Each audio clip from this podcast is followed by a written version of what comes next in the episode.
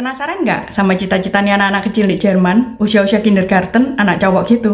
Tukang sampah, tukang pipa, tukang bangunan, sopir truk. Jadi kadang mereka ngerasa kayak cool gitu lihat alat-alat yang kendaraan nih. Modern nggak sih kalian? Lepas misalnya kalau anak-anak di Indonesia, bayar DPP neto kurang lebih segini.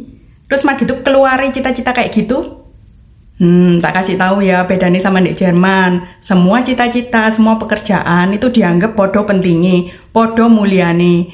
Jadi misalnya anakmu ditanyain di sekolah, besok-besok mau jadi apa? Terus mereka jawab salah satu dari itu, itu mereka tetap dipuji-puji. Karena mereka dianggap bagian dari satu sistem.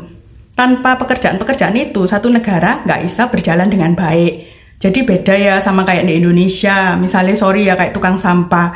Mungkin sebagian besar orang nganggep Yo gak perlu sekolah le koyo ngono. Nah, kalau di Jerman itu enggak kayak gitu. Siapa pun kamu, apa pun pekerjaanmu, kamu dinilai berhak untuk hidup layak, hidup cukup, dan bisa liburan.